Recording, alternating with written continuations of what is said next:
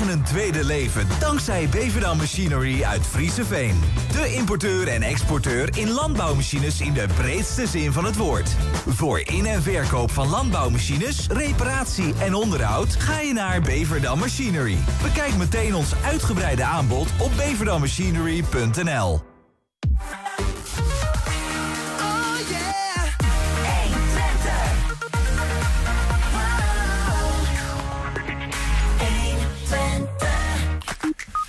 Er is iemand jarig en dat is Barbie. En dat vieren ze in Almelo bij het eh, Stedelijk Museum. Op een bijzondere manier met een expositie van wel 1200 stuks.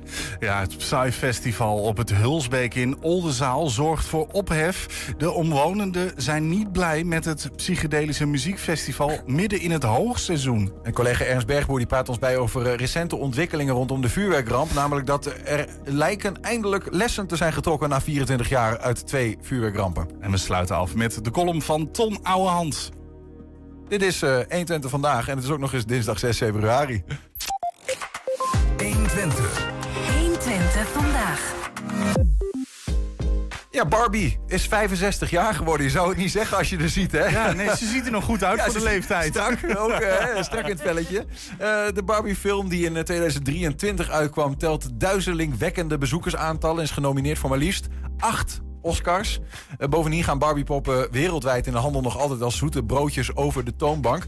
In het Stedelijk Museum in Almelo is twee weken geleden... de Barbie-tentoonstelling eh, geopend... waar meer dan 1200 Barbies in allerlei thema's te zien zijn. Let op.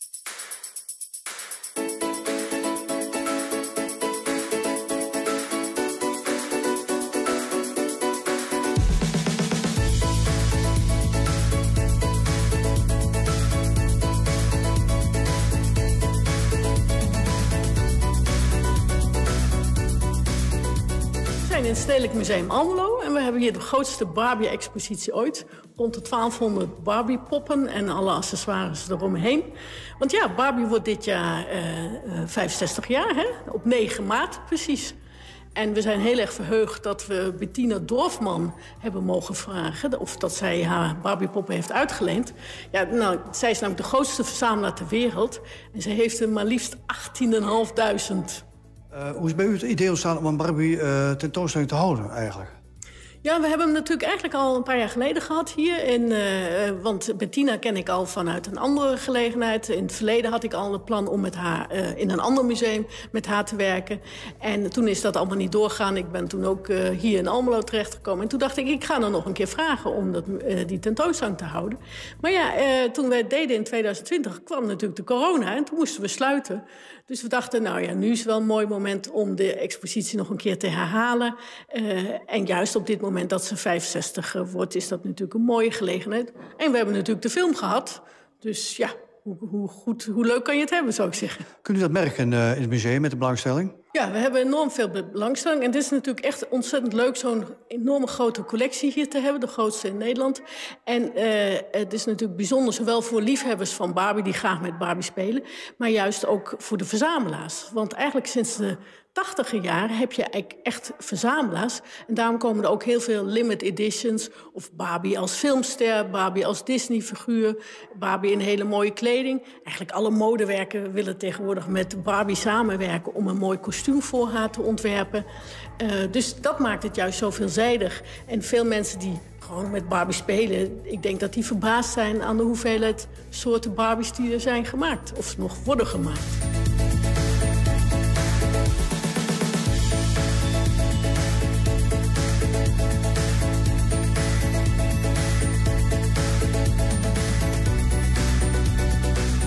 Uh, wat is uw lievelings-Barbie die hier staat? Nou, ik heb er wel meerdere. Uh, ik vind de 60 jaren wel heel leuk uh, met die kleding. Maar wat ik ook wel mooi vind, is bijvoorbeeld dit soort limited editions. Bijvoorbeeld hier staat eentje, My Fair Lady. Nou, ik, als je ziet hoe mooi de kleding is uitgevoerd, hoe prachtig. Ja, dat zijn, begrijp ik wel, dat mensen dat gaan verzamelen. En mijn lieveling staat ook in deze vitrine. Een andere lieveling is de Barbie uitgevoerd in, als Audrey Hepburn hebben in de film Breakfast at Tiffany's. Dat is een lievelingsfilm voor mij van vroeger. Een klassieker. Zijn er mannen die de, die de tentoonstelling komen bezoeken? Of zijn er mannen die noodgedwongen met een, met een vrouw meekomen? Uh? Nou, ik denk dat veel mannen nu een keer een leuk uitje met hun dochter hebben, zou ik zeggen. dus, uh, maar het is ook natuurlijk... Er zijn ook heel veel mannen die Barbies verzamelen. Misschien juist omdat ze er nooit mee mochten spelen vroeger. En zoals gezegd, ze worden in heel veel mooie uitvoeringen gemaakt. Want een echte verzamelaar wil natuurlijk een limited edition hebben. En Barbie in doos. Die gaan ook nooit uit de doos, want die, daar spelen ze niet mee. Dat, uh, dat moet alleen maar voor de show en uh, te laten zien. De 27 januari is de tentoonstelling geopend. tot hoe lang duurt die? Die duurt tot uh, 8 september. Dus nog een hele mooie tijd om te komen hier in het museum. En we hebben nog niet genoeg van. We vieren de verjaardag van Barbie nog even verder. Want uh, Sigrid is bij ons in de studio, directeur van het Stedelijk Museum in uh, Almelo. Sigrid Ivo, welkom. Ja, ik, ga, ik ga een bekentenis doen. Ik denk, dit is wel het moment.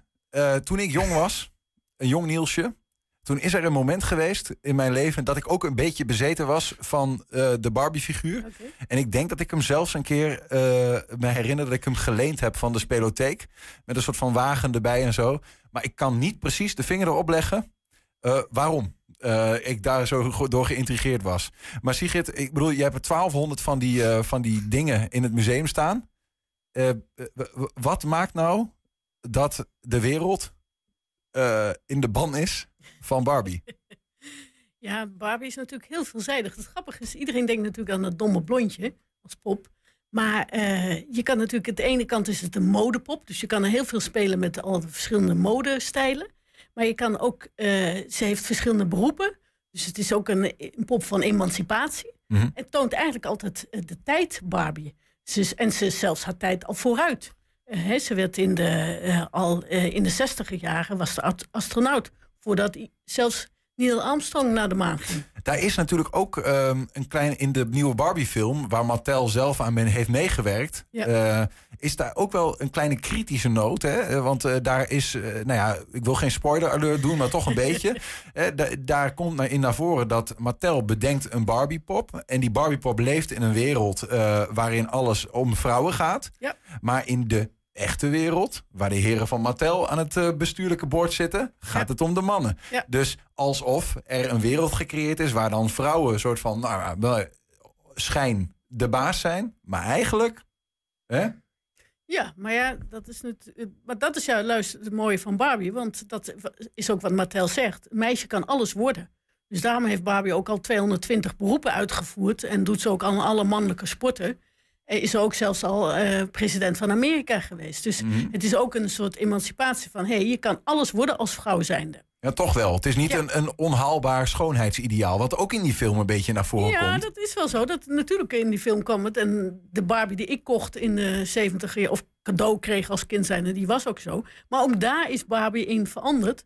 Uh, we hadden al donker gekleurde Barbies in de 80 jaar. Ze had ook al donker gekleurde vriendinnen in de, 70, in de 60 jaren. Dus ook daarin is het de tijd vooruit. En tegenwoordig heb je een wat volle uh, Barbie, die dus wat uh, volle vormen heeft. Ja. En je hebt de Barbie tegenwoordig in een rolstoel. En ze heeft de Barbie in, met allerlei kleurtjes en met allerlei haartintes. Dus, en ook een Barbie zelfs, was onlangs een mevrouw en die zei... ja, mijn dochter heeft kanker. maar ze kan zich niet identificeren aan Barbie. Dus nu is ook een Barbie met een uh, kaal hoofd zonder haren die kanker heeft. Uh, dus ja, ze hebben zich wel aangepast helemaal aan de tijd. En wat ik zei, ze ja. lopen eigenlijk een beetje de tijd vooruit. Ja. Dus, uh, maar wat maakt nou dat wij het dan hier hebben over wat, wat uiteindelijk denk ik zelfs een, een merknaam is, hè? gewoon ja, Barbie. terwijl er zijn natuurlijk duizend andere poppen in de wereld. Hè? We herinneren ons allemaal die porseleinen poppen en weet ik veel wat. Dat Barbie het dan zo, omdat hij dus al vrij vroeg zo breed uh, georiënteerd was, ja, om het zo te zeggen. Ja, en voor haar tijd was het ook een unieke pop. Toen zij in 1959 op de markt kwam, want dat is haar geboorte, 9 maart 1959. Daarvoor had je eigenlijk heel veel, uh, had je natuurlijk heel veel poppen, maar dat waren allemaal babypoppen. Uh, dus als, ja, als babytje. En zij was eigenlijk de eerste echte driedimensionale aankleedpop, ja. modepop. Want daarvoor had je wel aan, uh, modepoppen, maar dat waren vaak van papier, die platte poppen waar je dan een uh, nieuwe jurkje op of een, wat dan ook op kon leggen. Maar uh, zij was eigenlijk de eerste driedimensionale modepop waar je ook mee speelde. Want ja. modepoppen bestonden ook al langer, maar dat waren meestal. Esthetisch. Ja, en vroeger was het zeg maar in de 17e eeuw had je ook al modepoppen.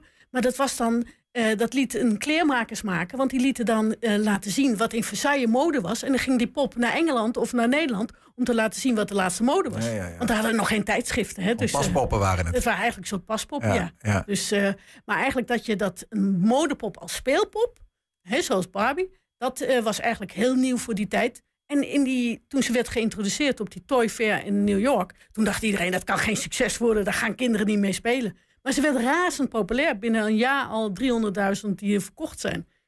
En trouwens, het oorsprong is wel grappig. Zij is dus eigenlijk ooit eens een stripfiguur geweest. Een Duitse, Een begrijp Duitse ik. stripfiguur, ja, in de Bildzeitung. Was een stripfiguur, Lily heette ze. En ehm, eh, die was zo populair, die stripfiguur, dat eh, de beeld liet er gewoon een driedimensionale pop van maken. En die kon je gewoon bij de, de krant kon je zo'n pop als cadeautje kopen. En daar werd ze zo ontzettend populair al onder meisjes. En Roos Handler, die had dus het idee van een modepop. Maar ze wist eigenlijk nog niet hoe dat pop, de pop eruit moest zien. En toen ging ze op reis. En toen zag ze in Duitsland inderdaad Lily. En toen dacht ze, nee, maar dit is het. En die, daar heeft ze het patent van gekocht. En, nou, een succes. Dus, En, en heel veel spijt bij de mensen van Beeldzeit toen en waarschijnlijk. dat zal best wel. Ja. ja, ja. Dus, ja, prachtig verhaal eigenlijk. Maar het is Ja. dus ook de, de overgang van, zit ik te denken, als je dus een, een, een, een eh, aankleedpop als baby alleen hebt, Ja. daar zit natuurlijk ook een bepaald stereotype in van, eh, nou ja, vrouwen spelen met Ja. poppen en eh, baby's zijn moeder-baby. Ja, je moet alvast leren hoe je met zo'n baby omgaat, inderdaad, als pop. Ja, ja, ja. En nu inderdaad, maar het is ook natuurlijk de tijd. Hè? De 60 jaren is natuurlijk ook de tijd, de opkomst Losmaken van de jongeren, van, losmaken van alles. De verlichting. De, de verlichting van de jeugd eigenlijk, hè? Mhm. de jeugd die opkomt. Ja. Dus, eh, dus die identificeert zich dan ook in zo'n pop die alles kan en alle beroepen kan worden. Dus het is natuurlijk ook de tijd van de vrouwenemancipatie eigenlijk. Herinner je je eigen eerste Barbie-pop nog, Sigrid? Ja, ik had een eh, Barbie Malibu, dat is met een licht kleurtje inderdaad. Ken zat er ook bij en haar sch- sch- skippen. En ik had nog Julia, dat is uit een serie. Dat is een verpleegster, een donkergekleurde verpleegster. Eh, hele populaire serie in Amerika. En op, eh, die had ik ook inderdaad. Ja. En ik had het voordeel, ik had het geluk. Mijn vader werkte toen bij een Amerikaans bedrijf. Die moest heel vaak naar Amerika. Ja, wat neem je nou voor je enigste dochter mee? Weet je, voor jongens weet je het wel. Toen dacht ze, nou, ze is dol op Barbies. Dus je kreeg echt de mooiste kleding uit Amerika. Het nieuwste van het nieuwste. Wat je vaak hier in Nederland nog helemaal niet zag. ja. Kon je daar goede scene mee maken op school? Ja, Eh, zo van, eh, ja ik, had, ik had ook een hele kamer met... Want ik was wel een poppenkind. Dus ik had een hele kamer met poppen. En ik had allemaal wat oudere vriendinnen... die inderdaad ook met mijn Barbies kwamen spelen. Ja, ja.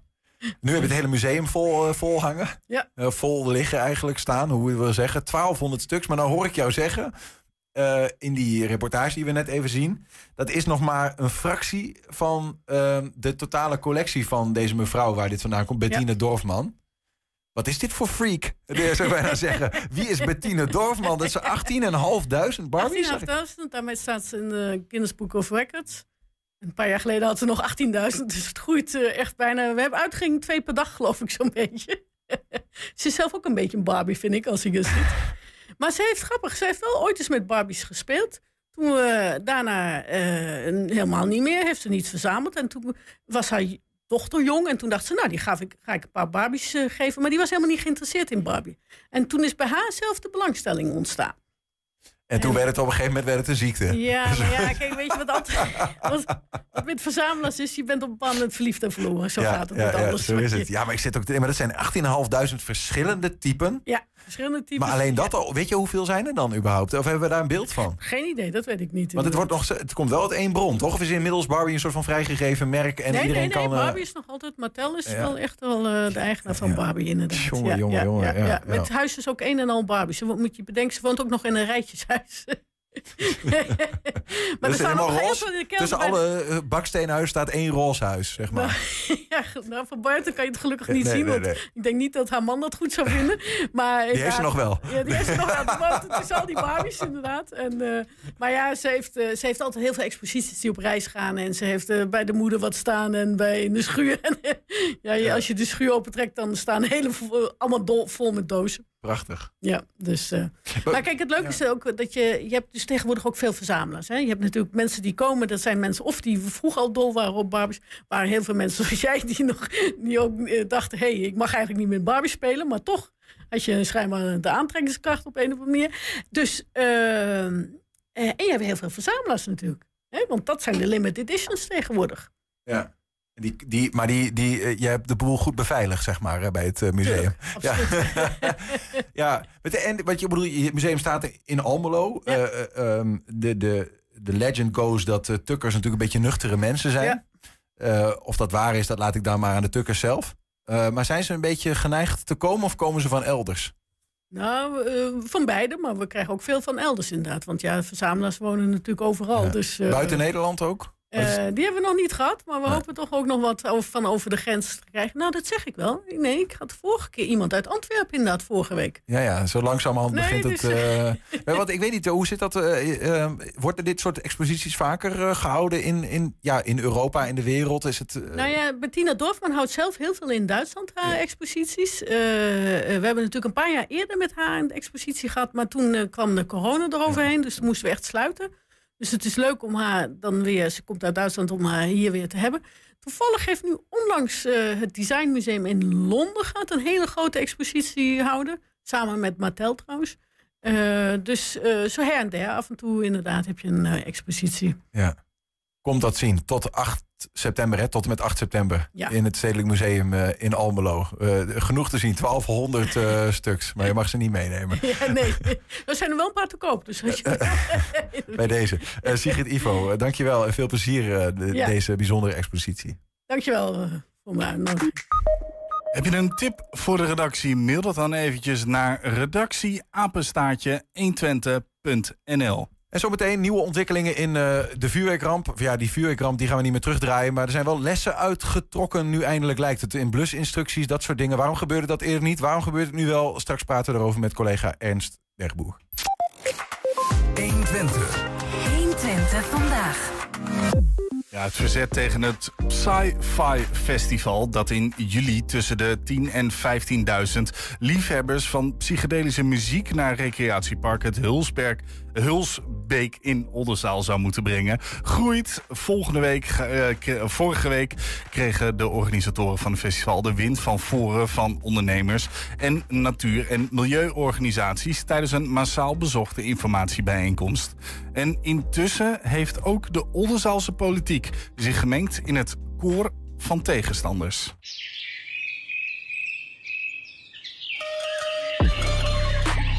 Vijf dagen herrie. Ja.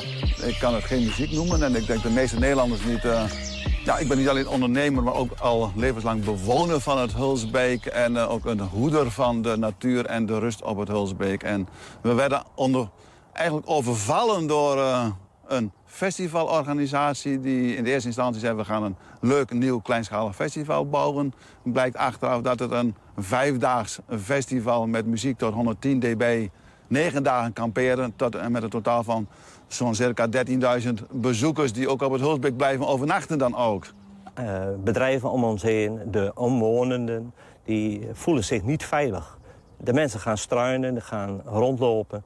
En hoe zijn die erven beschermd daarin? We hebben zo mensen in de achtertuin. Ja, ja. Wij zijn een bedrijf, net als Remy, wat houdt van rust en stilte. Dat willen we onze gasten bieden. Nou, dat kan ik in die vijf dagen absoluut niet bieden. Eh, daarbij is het zo dat eh, de mensen hier allemaal overnachten. Wij zitten aan die kant met de rand met eh, heel droog hout in de zomerperiode. Afgelopen periode is elke keer gemeente, brandweer en hier ook recreatieschap gebeld. Uit angst voor brand. We zijn een keer afgebrand geweest. Ja. Maar als er zoveel mensen s'nachts ook over het terrein zwerven... hoeft er maar één een, een peukje van zich af te gooien en het is raak. En als het in een dennenbos echt fout gaat, dan gaat het ook gelijk goed fout. Ik heb hem hier bij me, de integrale Hulsbeekvisie en integrale gebiedsvisie Hulsbeek en omgeving. En als we dan daarin kijken, dan zien we dat daar eh, bepaalde dingen staan die eh, eh, gewenst zijn en dingen die niet gewenst zijn. Nou, en daar staat heel duidelijk in dat grootschalige evenementen die niet passen in het imago van het Hulsbeek, dat die niet gewenst zijn. Nou, het is volstrekt duidelijk dat dit om een grootschalig evenement gaat. En de vraag is dus van, past dit in het imago van het Hulsbeek? Dat is dan de cruciale vraag. Het blijkt ook eh, dat het niet echt leeft bij de Twentenaren... want er waren tot nu toe nog geen kaarten verkocht aan mensen uit Twente. Oké. 48% komt eh, uit verder van Nederland, 48% uit Europa en 4% van buiten Europa. Dus het is een heel internationaal gemaleerd gezelschap dan ook. Die hier naartoe komen omdat er verdiend moet worden. We hebben van de eh, evenementwerkers, zo noem ik ze dan... die, willen, eh, die hebben in de presentatie aangegeven... dat we hier dit eh, deel van het Hulsbeek nog open is. Nou, dat is een spel natuurlijk. Ze kunnen het Hulsbeek niet afsluiten voor de Twentenaren. En dat zal een regel zijn. En daarom houden ze dit stukje open. Maar wie komt daar naartoe? Het is hier een, grote bouwplaats in, in- in- aan het begin. Kan niemand recreëren. Midden in de zomer, in eh, juli. Het is een, En een- wanneer het, als het al druk is hier op het, eh, op het Hulsbeek. Ja. Ja, we hebben heel veel schade hier op het Hulsbeek. Nou, en dan ook onze agrariërs, die snappen het niet waarom we hier dit grote festival naartoe halen. Want zij moeten met hun veestapel inkrimpen. En dan wordt op deze manier heel veel stikstof naartoe gehaald. Dat rijmt niet. Dat kan niet. En we maken ons dus ook zorgen over van... ja, hoeveel eh, stikstof eh, komt hier weer allemaal terecht met zo'n festival... waar allerlei apparaten staan te loeien, waar mensen naartoe komen... met hoeveel auto's komen ze hier wel niet naartoe en ga zo maar door. En als ik dan kijk naar het imago van het Hulsbeek... waar we het even over hadden vanuit de Hulsbeek-visie... dan staat er ook iets in over eh, het imago van het Hulsbeek. Namelijk dat het bedoeld is voor recreatie voor de mensen hier uit de omgeving. Uit de regionale omgeving. Daarvoor is het Hulsbeek bedoeld. En het is helemaal niet erg om af en toe een internationaal festival te hebben... maar het moet wel goed passen. Het is niet alleen ons stukje. Naast ons hebben we de manege, dat wil ik toch even benoemen. Het is wel een heel ander verhaal natuurlijk. Maar die zitten met paarden, paardenritten over het Hulsbeek. Eh, Gerco, de eigenaar, die moet elke dag zijn paarden een aantal uren naar buiten hebben, gewoon wettelijk gezien. Die komen dan met dit helse kabaal buiten. En het is maar de vraag of het überhaupt kan en hoe die paarden gaan reageren. En in zijn algemeenheid brengt dit natuurlijk over dat hele Hulsbeek heel veel dierenleed. Eh, eigenlijk is het Hulsbeek een gebied wat ook eh, valt onder de hoog-ecologische structuur. Dat betekent het is een, een heel belangrijk doorgangsgebied voor eh reeën, herten enzovoort. En dat wordt dan gedurende een periode van dikke maand, anderhalve maand, verstoord. Ja. En dat is ook een bijzonder ernstige zaak. Ja. Er zitten hier een aantal dassenburgten. En eh, van de deskundigen vanuit de Dassenwerkgroep... waar ik overigens ook deel van uitmaak, van de Dassenwerkgroep Twente... eh, is al gezegd van dat deze dassen zeer waarschijnlijk eh, op de vlucht zullen gaan... bij zo'n eh, enorme hoeveelheid van eh, belasting die ze dan gedurende de jaren krijgen. Dan moeten we niet vergeten dat de dassen vooral s'nachts actief zijn... En dan wordt daar vlakbij wordt daar gekampeerd door een hele grote groep mensen... die daar heel laat pas aankomen en gaan maar door. De vergunningaanvraag die is ingediend vorige week dan ook. En op 6 februari komt die inzage te liggen. En die gaan we heel kritisch bekijken. En ook dan op die punten waar het ons eh, niet helemaal past... en ook daar gaan we ook op inspreken. En dan zullen we ook van ons laten horen. Oké, Maar het gaat wel om onze bedrijfsvoering.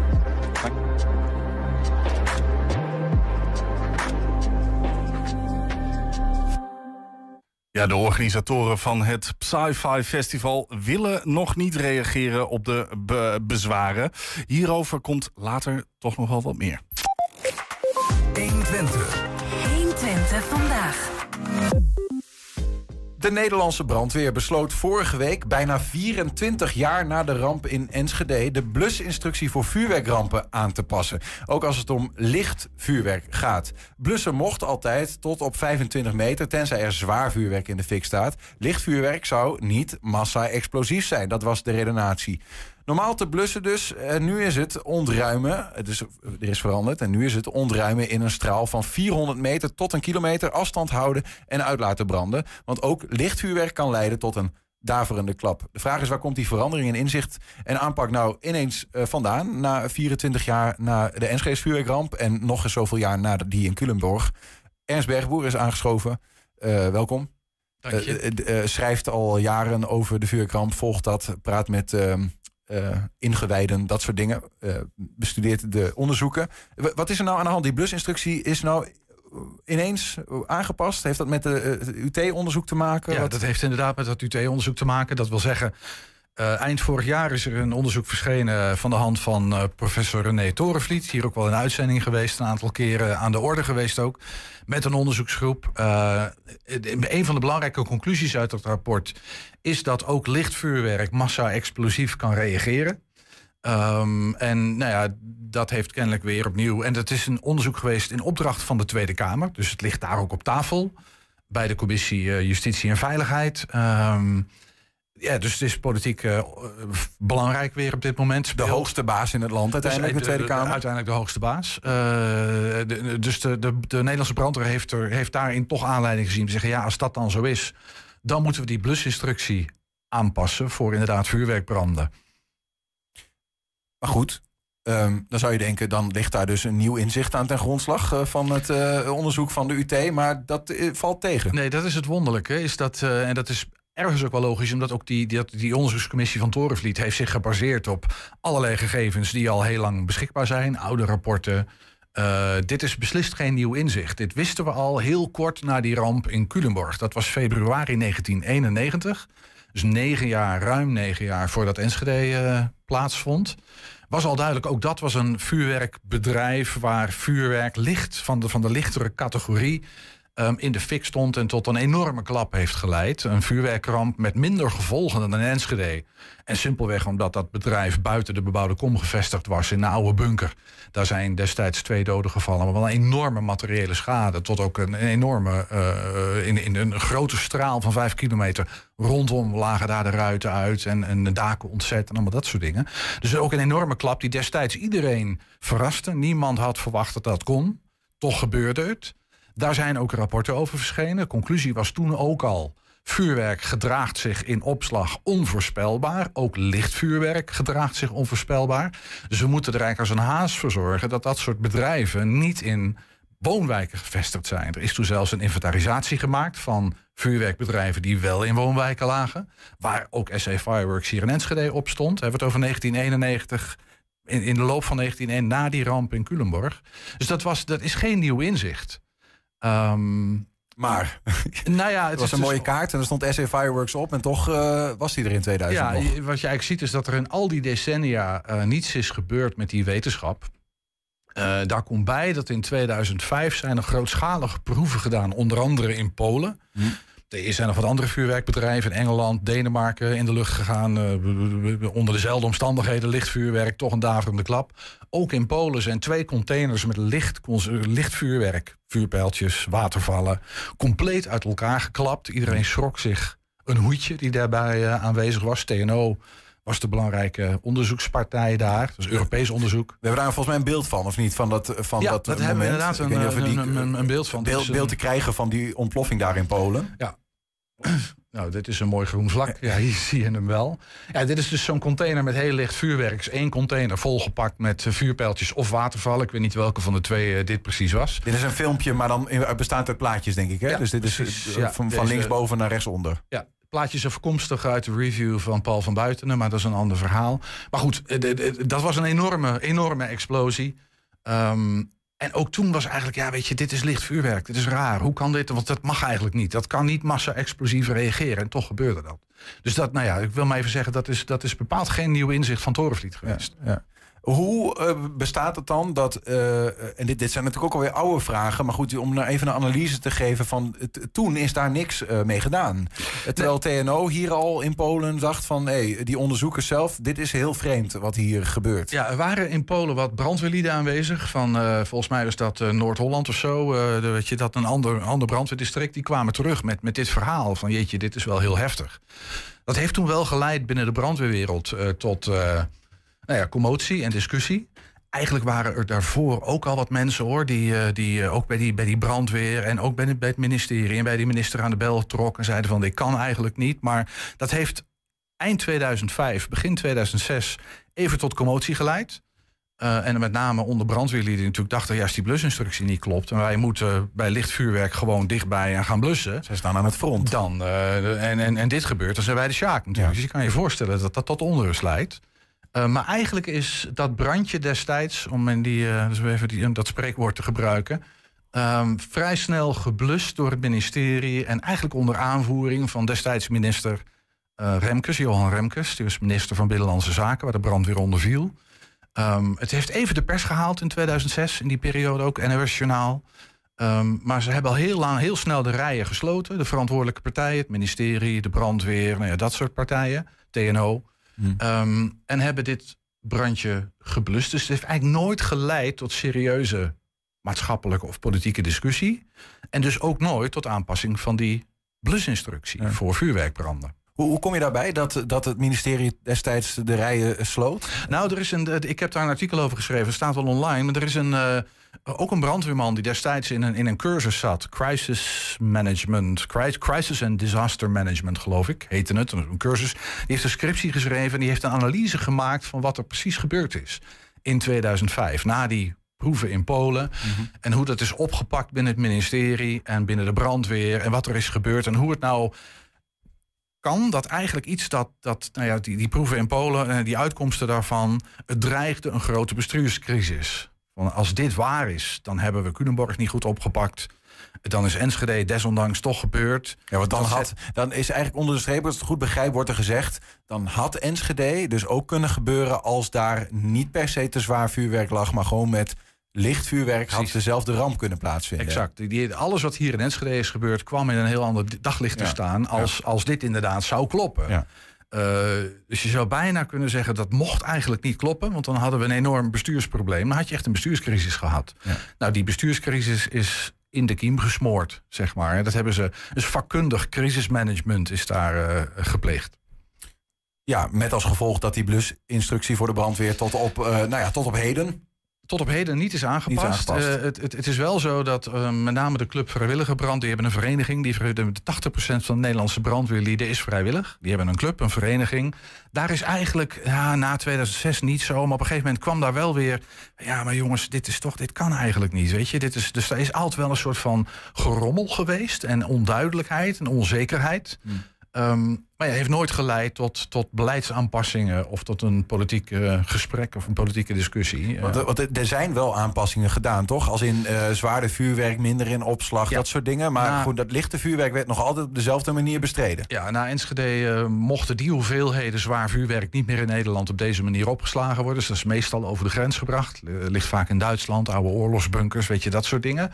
Maar nog steeds hele grote opslag, ook van lichte vuurwerk. En natuurlijk met name, kijk, in 2005, eind 2005, dat was in de aanloop naar de auto, auto van 2005. Dus al die Nederlandse opslagen van consumentenvuurwerk, van licht vuurwerk, ja, die lagen bommetje vol. Ehm, ja, de, de, de angst was natuurlijk dat er een enorme onrust zou komen bij vuurwerkhandelaren, bij burgers, eh, bij, eh, in de politiek. Eh, dus dus dat, dat, dat kwam niet uit, dat was niet erg wenselijk. Dus dat hebben ze afgewend. Maar binnen die brandweerwereld, met name die vrijwilligersbrand, is altijd wel onrust gebleven. En zijn er altijd vragen gesteld. Eh, dus, een- en dus die brandweer, vrijwillige brandweersvereniging heeft ook opgelucht gereageerd vorige week. Van hè, eindelijk, we hebben al heel vaak gezegd, dit is niet oké. Ja, Dit ja. klopt niet. Eh, blij dat het nu is aangepast. Ja. Het heeft gelukkig ook nooit tot ernstige ongelukken geleid in Nederland. Hè, maar dat had wel gekund. Eh, eh, Toch nog, nog één keer dan zeg maar, het, het inzicht of de, de. Is het een verandering in de manier van. eh, Is het, heeft het met die open bestuurscultuur te maken? Of heeft het met die. Waardoor dit nou ineens wel verandert? Het is een beetje speculatief. Het is natuurlijk zo, het is 24 jaar na dato. Dus om nu toe te geven van ja, misschien is destijds dat beleid toch niet adequaat geweest en moeten we dat nu toch maar aanpassen. Ja, dat is nu een stuk veiliger dan wanneer je dat 10 of 15 jaar of misschien 20 jaar geleden had gedaan. Ja. Eh, dus dat kan een rol spelen. Hè? Dat de, de, de politieke consequenties en het gedoe ervan minder groot zijn naarmate de tijd verstrijkt. Ja, maar het is ook wel een schuld, ja, of niet een schuldbekentenis, maar het is wel een, toch een beetje van, ja, nou ja, licht vuurwerk. We doen toch een beetje hand in eigen boezem. Wat zegt dat dan over Enschede bijvoorbeeld? Dat is dan wel een beetje de tweede vraag, Dat is eigenlijk een hele relevante vervolgvraag. Ja. In welk licht moeten we Enschede dan zien? Ja. Ehm, ja, nou, de, de- de- het- de- er is een tweede documentaire in de maak over die vuurwerkramp... die eigenlijk precies hierover gaat. Hmm. Ehm, maar goed, dat, dat gaan we de komende periode nog wel verder uitwerken. Eh, maar dat is inderdaad een grote vraag. Van als dit zo is, dat, dat, en, en ja, eigenlijk is daar geen twijfel over... dat, dat ook licht vuurwerk massa-explosief kan reageren. Ja, wat zegt dat over Enschede? Nou ja, en, en een andere vraag, Ernst, waar ik wel benieuwd naar ben. Kijk, dit gaat over blusinstructies van de brandweer... die eh, op het moment dat de pleuris uitbreekt... eh, eh, ja, ik bij wijze van koop mijn vuurwerk eh, bij een fietsenhandel... waar ehm, nou, een behoorlijke hoeveelheid licht vuurwerk staat opgeslagen. Ja. Ehm, ja, die blusinstructie is voor brandweerlieden. Eh, maar wat gebeurt daar eigenlijk met die. Ja, wat weten we eigenlijk dan over vuurwerk in, die, in dat soort situaties? En wat zegt deze instructie nu over hoe veilig het eigenlijk is, hoe wij met vuurwerk omgaan in ons land? Ik, ik bedoel, ik snap dat er heel veel mensen zijn die dit heel vervelend vinden als ze van vuurwerk houden of vuurwerk verkopen en daarvan afhankelijk zijn. Maar het heeft wel implicaties, lijkt mij bijna. Ja, dat lijkt mij ook. Dat zullen we moeten wachten. Het is altijd een politieke discussie. Hè? Daar kunnen wij hier van alles van vinden of allerlei gevoel bij hebben. Maar uiteindelijk is het de politiek die daar, even, die, die daar beslissingen over moet gaan nemen. Maar het is natuurlijk zo dat als dat lichte vuurwerk gevaarlijk is voor brandweerlieden... Eh, dan is dat ook gevaarlijk voor mensen die daar om de hoek wonen. Uh, dus ik kan me voorstellen, inderdaad. En dan nog even los van nou ja, het vuurwerk dat mensen op een zolder hebben liggen, bijvoorbeeld. Um, daar ligt ook illegaal vuurwerk. Hè? En dat is soms ook een behoorlijke hoeveelheid. Ja. Um, kom bij dat de klassificatie, dat, is weer een, dat maakt het nog lastiger, is dat die klassificatie van vuurwerk, of het nou licht of zwaar is, niet even betrouwbaar is. Weten we ook al decennia, weten we heel lang. Dat er soms licht vuurwerk op, uh, op het etiket staat, maar dat er feitelijk veel zwaarder vuurwerk in zit. Uh, daar zijn grote problemen mee. Transportklassificaties die gebruikt worden ook voor opslag. Dat kan eigenlijk helemaal niet. Opslag is een hele andere situatie. Um, dus best, best tal van problemen en risico's. Nou, het is wel zo dat Torenvliet dat opnieuw heeft benoemd in dat rapport. Geen nieuw inzicht, wisten we al lang. Maar het staat er wel opnieuw in. Het staat op de politieke agenda. Dus er zal de politiek, kan me voorstellen dat de politiek daar wat van gaat vinden in de komende periode. Ja, dit is een van, deze blusinstructie in ieder geval één van de gevolgen vanuit dat, uh, vanuit dat rapport. Nou ja, maar, ik denk dat dat een reactie is op, op wat, wat Torenvliet opnieuw heeft geconstateerd. Ja. Namelijk dat het gewoon heel gevaarlijk is om, uh, om grote hoeveelheden vuurwerk ergens, een opslag te hebben. Ja, ingesteld door de, door de Tweede Kamer of door de, door de brandweer zelf dan? Wat heeft die blusinstructies? Nee, dat is een uh, zaak van de brandweer zelf. Van de brandweer van het ministerie zelf. dan natuurlijk okay. eigenlijk ook. De politiek moet nog, nou ja, misschien gaat ook nog op een bepaalde manier dan reageren. Nee, ik denk niet dat de politiek over die brandinstructies nee, gaat. Die andere lessen, andere lessen. Nee, dat, dat, is, een, dat is echt een politieke aangelegenheid. Ja. Dat is uiteindelijk, hè, die, die, de naam van het rapport was ook lessen van twee vuurwerkrampen. Ja. Um, uh, of wat, wat er niet geleerd is misschien wel, wat we zelf zouden moeten leren. Um, en dat rapport van René Torenvliet, UT-professor, daar is op gereageerd. Dus blijkbaar door de brandweer, maar ook door de uh, directeur van uh, nou ja, SA Fireworks destijds, Rudy Bakker. Ja. Die heeft zich ook gemengd. Die vindt er wat van, blijkbaar. Ja, klopt. Die heeft uh, gisteren een uh, klacht ingediend, een officiële klacht bij, uh, bij de Universiteit Twente, waar René Torenvliet onder de, professor is. Um, de, het onderzoek is ook gedaan onder auspiciën van, van de Universiteit Twente. En Bakker vindt dat rapport van Torenvliet op een aantal punten onvolledig. Um, en hij vindt het um, niet onafhankelijk. dus hij heeft een officiële klacht ingediend gisteren. Ja, de, en wat, wat, wat, wat brengt, ja, brengt hij ook iets van bewijs met zich mee? Waarom dat dan ja, zo ja? Hij heeft natuurlijk. Hij, hij, hij heeft een, uh, ook een advocaat in de arm genomen. Hij doet dat dus een, een, een, zeg je dat, een juridische bijstand. Een, een man die hem daarin helpt. Ja. Uh, dus dat is natuurlijk voorzien van allerlei onder. Er zit een onderbouwing bij. Een redelijk deug, nou, behoorlijke onderbouwing, alles bij elkaar. Onvolledig, dat heeft vooral te maken met het feit dat dat, het onderzoek van Torenvliet is gedaan. Uh, in opdracht van de Tweede Kamer. De aanleiding daarvoor was de review van Paul van Buiten, die Mhm. op 13 mei 2020 verscheen. Hele uitgebreide review. 1700 pagina's zeg ik even uit mijn hoofd, maar echt heel veel. En een aantal cruciale thema's in die review zijn niet aan de orde gekomen in het onderzoek van Torenvliet. Het gaat onder andere over die vuurwerkklassificaties en de problemen die daarmee bestonden. Die zijn een beetje aangeraakt in, uh, in het rapport van Torenvliet, maar niet heel uitgebreid. En die zijn vrij, die zijn behoorlijk van belang. Um, Toren, je zou eigenlijk kunnen zeggen dat Torenvliet de conclusie destijds na de vuurwerkramp in Enschede, namelijk hier lag te zwaar en te veel vuurwerk, die conclusie is overeind gebleven. Dat vindt Bakker uh, onjuist. Hij vindt dat dat niet klopt. Dat onderbouwt hij ook. En hij zegt dat komt ook omdat in dat rapport, in dat onderzoek, die een aantal van dat soort aspecten niet is meegenomen in het onderzoek. Uh, ja, dus dan blijft die conclusie overeind. Dat is één. Het tweede is dat hij vindt het ook niet onpartijdig. Um, hij zegt, Niet mijn bedrijf, ja, ja. Mijn bedrijf is veelvuldig uh, aan bod gekomen in dat onderzoek. Dat is ook logisch. Het ging natuurlijk over SC Fireworks. Maar mij is nooit om wederhoor gevraagd. Uh, uh, dus ik, ik, heb, ik heb helemaal nooit mijn zegje kunnen doen over dat onderzoek. Dus dat is al eenzijdig. Hè? Dat is één verhaal. Mm. En het tweede is dat hij zegt dat de onderzoeker van destijds... van het gezaghebbende onderzoek, Martin Oosting... Is, uh, heeft een eredoctoraat aan de UT. Dit is een beetje speculatief van Bakker. Maar hij, eh, hij stelt van ja, het zou best eens zo kunnen zijn, omdat dat een eredoctoraat is, willen ze dat onderzoek van die Oosting. Dat hebben ze een beetje. mm, eh, hebben ze, zijn ze een beetje voorzichtig mee omgegaan. eh, zou Nou, ik waar. Ik, ik las in jouw stuk nou, dat ze ook best wel kritisch waren, toch? Nou, op ik- eh, op vond- Oosting. Ja, ik, eh, nou laat ik het anders zeggen. Ik vond in het rapport van Torenvliet, heb ik voor het eerst kritiek gelezen Ja. eh, op dat onderzoek van Oosting. Ja. Eh, dus in die zin, of de, de, maar het het is waar dat er in dat onderzoek van Torenvliet een aantal aspecten uit het onderzoek van Oosting bijvoorbeeld, en ook uit die review van Paul van Buitenen, ehm, niet erg is belicht. Dat is niet Ja, ja. heel erg tegen het licht gehouden om te kijken of dat nou wel klopt allemaal. Heeft eh, René Torenvliet of zijn eh, werkgroep, onderzoeksgroep daar al op gereageerd? Ik heb nog geen reactie van hem, eh, van hem gezien of gelezen. Nee. Nou ja, goed, wellicht volgt dat nog. Ja, ik, ik, wat, wat, ja, wat vind jij zelf? Is, is, zijn daar wat, wat terechte punten van, eh, van Rudy Bakker? Of hoef je, sommige, hoef je wederhoor van een bakker in zo'n onderzoek niet eh, te verwachten? Nou, dat- dat... Dat, ik, weet- ik ben geen wetenschapper. eh, dus ik pretendeer niet dat ik weet hoe je nou precies wetenschappelijk onderzoek moet doen. Maar ik kan me hoor en wederhoor vind ik wel een heel eh, bazaal principe. Dat is een journalistiek principe. Ja. Is natuurlijk ook, ik denk ook in wetenschappelijk onderzoek was dat eigenlijk wel eh, op, juist geweest, denk ik. En ik opmerkelijk misschien dat dat niet gebeurd is. Dus dat snap ik wel van Bakker, zeg maar. Daar heeft hij denk ik wel een punt. Ja, want Bakker blijft in het daglicht staan als eh, eventuele schuldige. de man met die daar te te, veel en zwaar, te te veel vuur. eh, Ja, had ja, liggen. ja, ja. Eh, en als dat niet zo is, en er zijn echt wel aanwijzingen waarom dat inderdaad op zijn minst twijfelachtig is of daar te zwaar en te veel heeft gelegen, daar twijfel ik ook zelf al aan. Ehm, dan heeft hij wel een punt. Van dat, dat, dat moet je dan uitzoeken. En daar spelen die vuurwerkclassificaties een belangrijke rol in. Ehm, dankjewel voor, eh, voor, voor de uitleg. En eh, nou ja, goed, 24 jaar, eh, om dan maar ook spreekwoordelijk te blijven. Het vlammetje is nog niet gedoofd. Niet in de gemoederen, maar ook in het bestuurlijke land blijkbaar niet. Ehm, we gaan het... eh, we, we blijven het volgen, laat ik maar zeggen. zeggen. Totdat, eh, totdat het is opgelost als dat ooit gebeurt. Ja. Ja. We zijn ook als podcast te beluisteren via alle bekende platforms. Je vindt daar de hele uitzendingen en elke dag één item uitgelicht. Op 120 vandaag uitgelicht. 120. 120 vandaag. Wij vroegen ons vanochtend af, zou Ton Ouwehand er vandaag eh, zijn? Want we hadden hem al een tijdje niet gezien.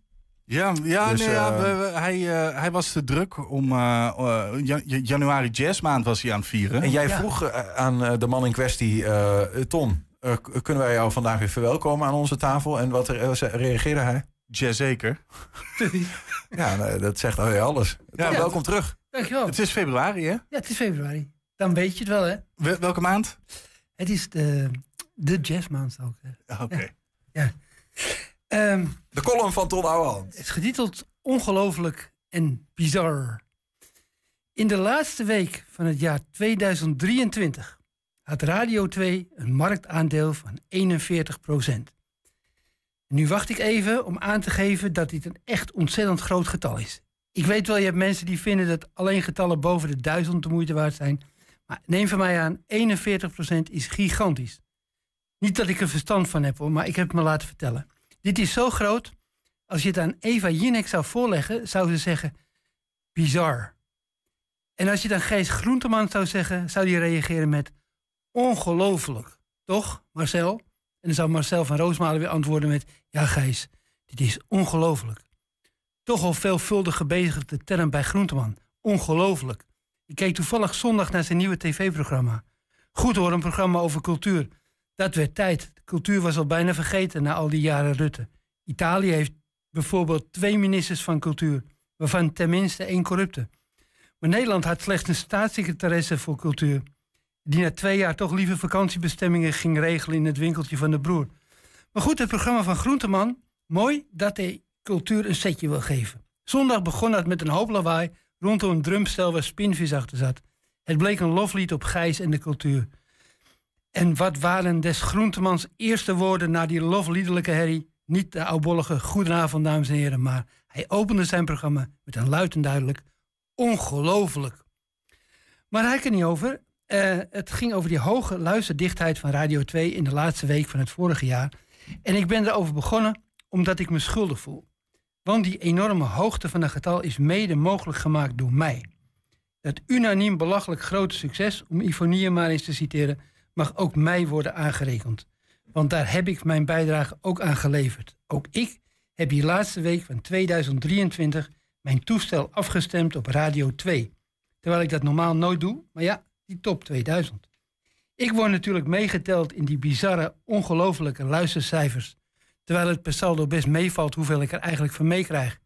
Ze zenden 24 uur per etmaal uit gedurende 7 dagen en uiteindelijk krijg ik er alleen overdag iets van mee. En dan erger ik me eigenlijk het grootste deel van die tijd ook nog. Niet aan die vrolijke verhaaltjes van mensen die herinneringen hebben aan bepaalde liedjes. Dat vind ik wel aandoenlijk.